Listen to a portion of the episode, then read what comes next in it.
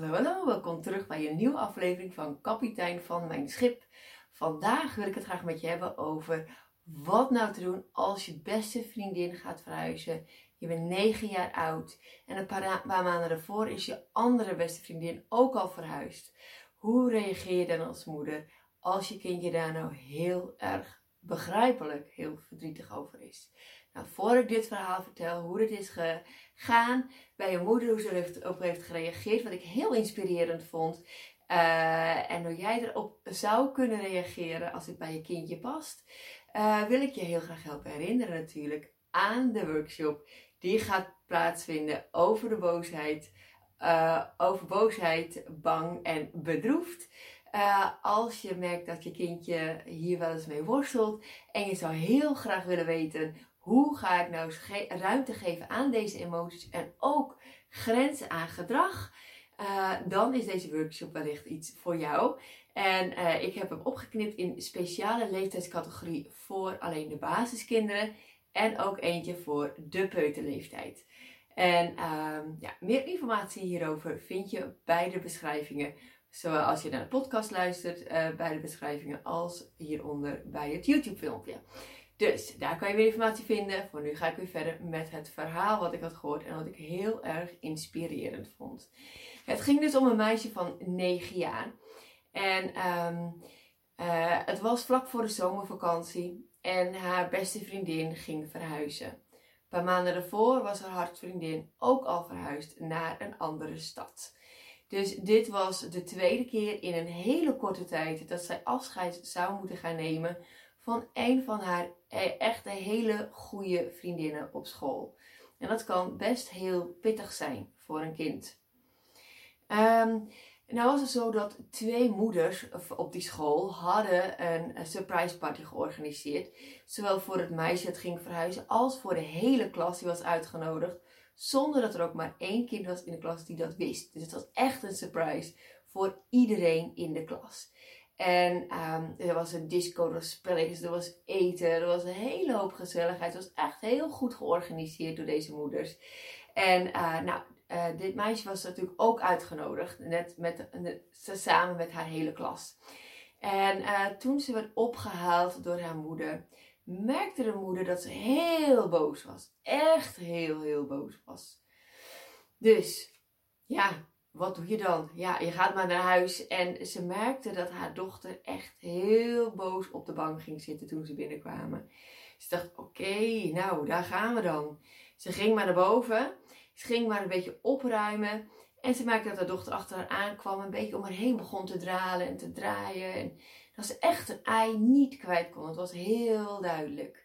En op een gegeven moment zag de moeder dat de dochter van negen op de grond ging liggen.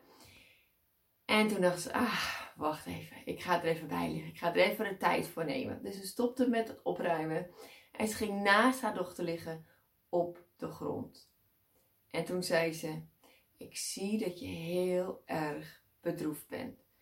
En um, toen, en ook heel erg teleurgesteld. En toen zei ze, en dat was, had ik zo bingo. Want toen begon het hartverscheurende huilen van haar dochter van negen. Die begon zo hard huilen, huilen, huilen, huilen, huilen. Het kwam uit haar tenen, het verdriet. En um, de moeder zei, ik heb haar gewoon zo min mogelijk gezegd. Dan alleen maar, hmm, ja, tja ja. Gewoon echt proberen te zijn daar voor haar dochter. En uh, te zeggen dat het um, echt heel rot moet voelen om zo verdrietig te zijn. Um, dat, het, dat het was gewoon echt oké om op dit moment even een moment te hebben heel verdrietig te zijn. En er niet voor te hoeven vechten, dat het oké was. En um, uh, toen ze dat zei en naast haar dochter lag op de grond en het oké was voor emotie, begon haar dochter te vertellen hoe ontzettend erg en rot ze het vond dat haar beste vriendin nu ook nog ging verhuizen. En hoe ontzettend ze haar zou gaan missen. En terwijl ze dat haar verhaal dus vertelde, luisterde haar moeder voornamelijk. En uh, mocht het verhaal van haar dochter er gewoon even zijn. Um, de dochter vertelde dat ze het gewoon uh, niet eerlijk vond dat, uh, dat haar vriendinnetje ging verhuizen. En dat ze zich in de steek gelaten voelde. En um, ja, dat was heel begrijpelijk en dat mocht er gewoon zijn. En nadat haar dochter uh, heel erg hard had gehuild en voor een half uur ongeveer en haar verhaal had verteld, um, heeft de moeder het bad vol laten lopen. En gezegd van nou ga even lekker in bad, even tot rust komen. Nou, dat kwam de dochter ook echt tot rust. Daar kwamen nog meer verhalen van alles wat ze zo ging missen van haar vriendin. En het was helemaal oké. De moeder zat erbij en ze luisterde voornamelijk. En um, dit was een heel verbindende uh, ja, situatie waarin haar dochter gewoon de emotie mocht voelen. En nadat het bad was leeggelopen, ze samen hadden gesproken, gingen ze beneden op de bank zitten. Nog even samen wat knuffelen, nog even wat drinken. En daarna is haar dochter in alle rust en tevredenheid gewoon in slaap gevallen. En uh, wat ik zo mooi vond toen ik dit verhaal vertelde, dit uh, uh, hoorde, was dat ik merkte dat deze moeder het ook echt gewoon begreep. Het is zo belangrijk om de gevoelens er te mogen laten zijn. En soms, zoals in dit verhaal ook, gebeuren er gewoon dingen die echt heel rot zijn. Het is echt nogal wat als je vriendin gaat verhuizen. En door er de tijd voor te nemen om hier ook over te mogen rouwen. En dit verdriet er gewoon even te mogen laten zijn. Uh, hoeft het niet opgekropt te worden in het lichaam. Maar kan het er op een natuurlijke manier uit. Waardoor het uh, ja, waardoor het een plekje kan gaan krijgen. En het is heel belangrijk als ouders dat als je kindje gewoon een bedroefde gebeurtenis heeft, zoals in dit geval, dat, het, uh, dat je als ouder uh, leert luisteren, vol aandacht en uh, rustig bent gewoon.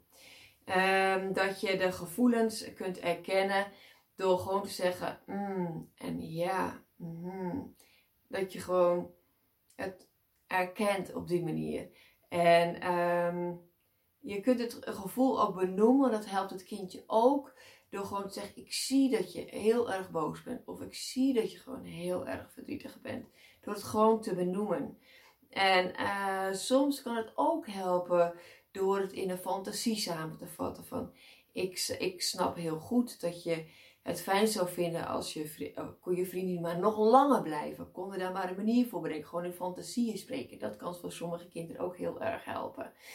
Um, maar daarnaast is natuurlijk ook heel erg belangrijk dat je wel de grenzen, um, uh, wel grenzen aangeeft als bijvoorbeeld een, een negatieve emotie heeft, als bijvoorbeeld boosheid. En een kindje zou bijvoorbeeld uh, het servies gaan pakken en het kapot gaan gooien. En jij denkt echt, hé, hey, maar dat gaan we niet doen, dat is de grens. Dan mag dat ook begrenzen. Kan je gewoon ook zeggen, ik zie dat je heel erg boos bent. Uh, maar we gaan niet het servies kapot gooien. En dan zeggen wat ze wel mogen doen. Je mag bijvoorbeeld wel op je kussen gaan slaan. Of op de trampoline gaan springen. Iets bedenken wat het kindje wel mag doen om de emoties kwijt te kunnen.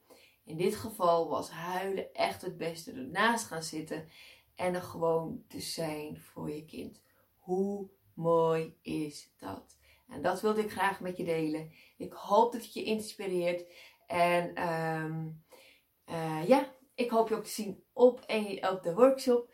En um, ja, meer informatie hierover hieronder bij de beschrijvingen. En dan zie ik graag de volgende keer. Doei doei!